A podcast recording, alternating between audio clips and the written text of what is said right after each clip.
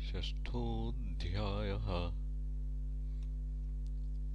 नारदपूर्वजन्मवृत्तान्तकथनम्। सूत उवाच एवं निशम्य भगवान् ते वर्षेर्जन्मकर्म च। भूयः पप्रच्छतं ब्रह्मन्। व्यासः सत्यवतीसुतः व्यास उवाच भिक्षुभिर्विप्रवसिते विज्ञानादेष्टृभिस्तव। वर्तमानो वयस्याद्ये ततः किमकरोद्भवान् स्वायम्भुवकया वृत्त्या वर्तितं ते परं वयः। कथञ्चेदमुदस्राक्षीः काले प्राप्ते कलेवरम्। प्राक्कल्पविषयामेताम् स्मृतिं ते सुरसत्तम। न ह्येष व्यवधात्काल एष सर्वनिराकृतिः। नारद उवाच भिक्षुभिर्विप्रवसिते। विज्ञानादेष्ट भिर्मम वर्तमानो वयस्याद्ये तत एतदकारशम्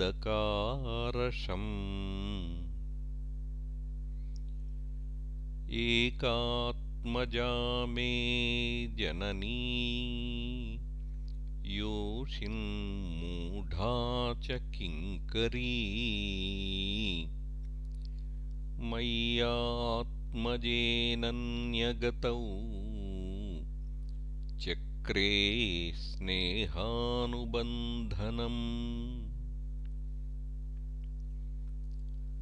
सा स्वतन्त्रा न कल्पासीद्योगक्षेमम्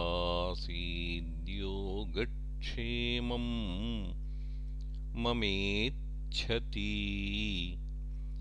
ईशस्य हि वशे लोको। योषादारुमयी यथा। अहं च तद्ब्रह्मकुले ऊशिवांस्तदपेक्षया दिग्देशकालाव्युत्पन्नो बालकः पञ्चहायनः एकदा निर्गतां गेहाद्दुहन्तीं निशिगां पथि। सर्पोदशत्पदास्पृष्टः कृपणां कालचोदितः। तदा तदहमीशस्य भक्तानां शमभीप्सतः अनुग्रहं मन्यमानः। प्रातिष्ठं दिशमुत्तराम्। स्फीतान् जनपदांस्तत्र पुरग्रामव्रजाकरान्। खेटखर्वटवाटीश्च वनान्युपवनानि च। चित्रधातुविचित्राद्रीनिभभग्नभुजद्रुमान् जलाशयान् शिवजलान्नलिनीः सुरसेविताः। चित्रस्वनैः पत्ररथैर्विभ्रमद्भिः भ्रमरश्रियः नलवेणुशरस्तम्बकुशकीचकगह्वरम् एक एवातियातोऽहमद्राक्षं विपिनं महत्।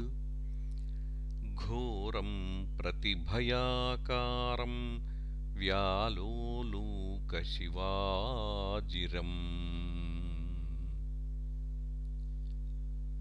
परिश्रान्तेन्द्रियात्माहं तृक्परीतो बुभुक्षितः स्नात्वा पीत्वा ह्रदे नद्या उपस्पृष्टो गतश्रमः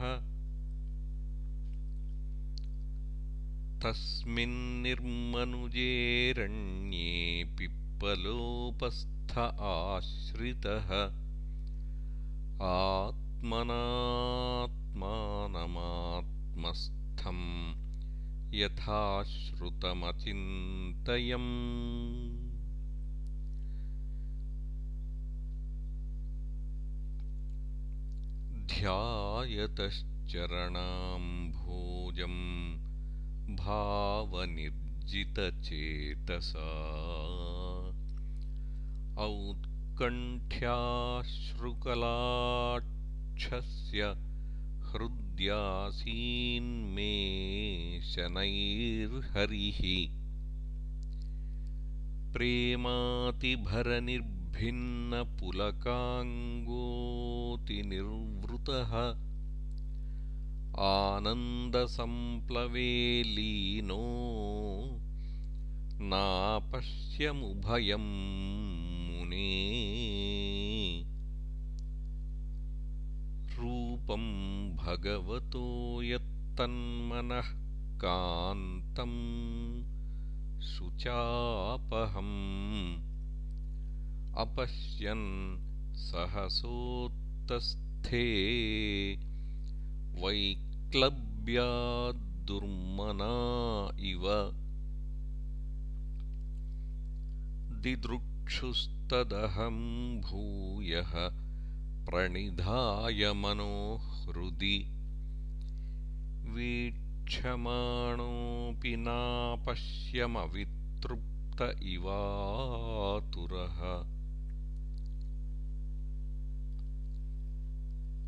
एवं यतन्तं विजने मामाहागोचरो गिराम्। गम्भीरश्लक्ष्णया वाचा शुचः प्रशमयन्निव हन्तास्मिन् जन्मनि भवान् मा द्रष्टुमिहार्हति।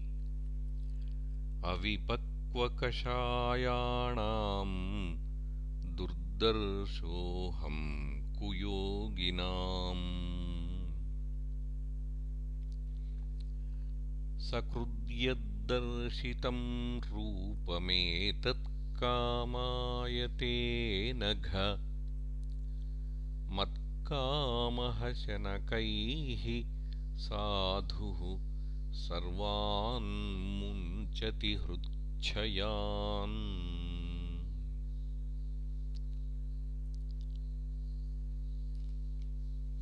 सत्सेवया दीर्घया ते जाता मयि दृढामतिः।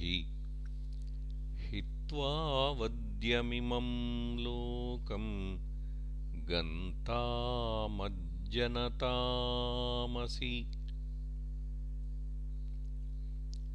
मतिर्मयि निबद्धेयं न विपद्येतकर्हिचित् प्रजासर्गनिरोधेऽपि स्मृतिश्च मदनु ग्रहात्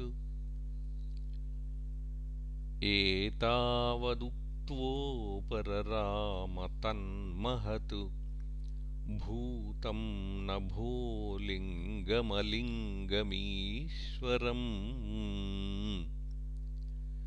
अहं च तस्मै महतां महीयसे। शीर्ष्णावनामम् विदधेनुकम्पितः नामान्यनन्तस्य हतत्रपः पठन्। गुह्यानि भद्राणि कृतानि च स्मरन्। गां पर्यटं स्तुष्टमना गतस्पृहः कालं प्रतीक्षन् विमदो विमत्सरः। एवं कृष्णमतेर्ब्रह्मन्नसक्तस्यामलात्मनः। कालः प्रादुरभूत्काले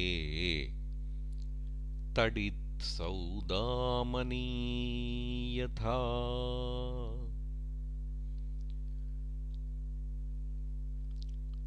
प्रयुज्यमाने मयि तां शुद्धां भागवतीं तनुम् आरब्धकर्मनिर्वाणो न्यपतत्पाञ्चभौतिकः कल्पान्तैदमादाय शयानेऽम्भस्युदन्वतः शिशयिशोरनुप्राणम् विविशेऽन्तरहं विभोः सहस्रयुगपर्यन्ते उत्थायेदं सिसृक्षतः मरीचिमिश्रा ऋषयः प्राणेभ्योऽहं च जज्ञिरे।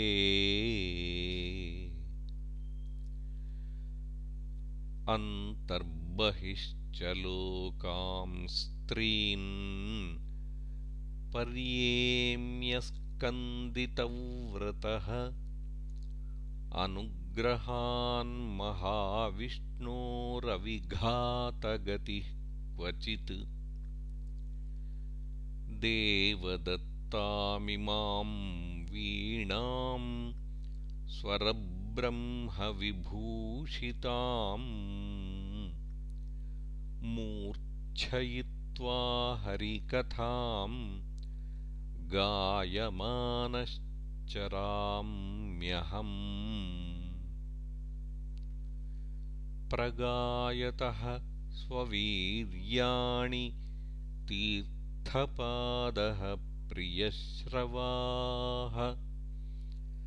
आहूत इव मे शीघ्रम् दर्शनं याति चेतसि एतद्ध्यातुरचित्तानां मात्रास्पर्शेच्छया मुहुः भवसिन्धुप्लवो दृष्टो हरिचर्यानुवर्णनम्। यमादिभिर्योगपथैः कामलोभहतो मुहुः। मुकुन्दसेवया यद्वत्तथात्माद्धा।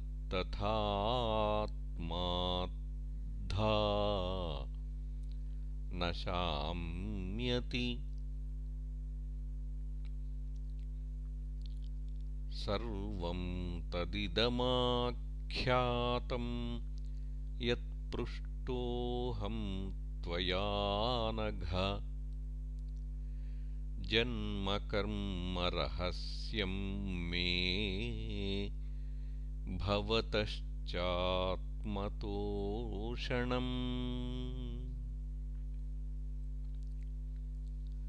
सूत उवाच एवं सम्भाष्य भगवान्नारदो वासवीसुतम् आमन्त्र्यवीणां रणयन् ययौ यादृच्छिको मुनिः।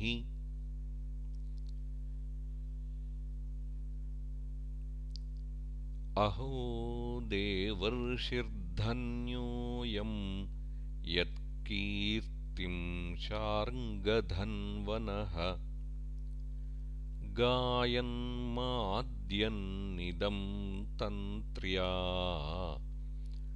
रमयत्यातुरं जगत्। इति श्रीमद्भागवते महापुराणे पारमहंस्यां संहितायां प्रथमस्कन्धे षष्ठोऽध्यायः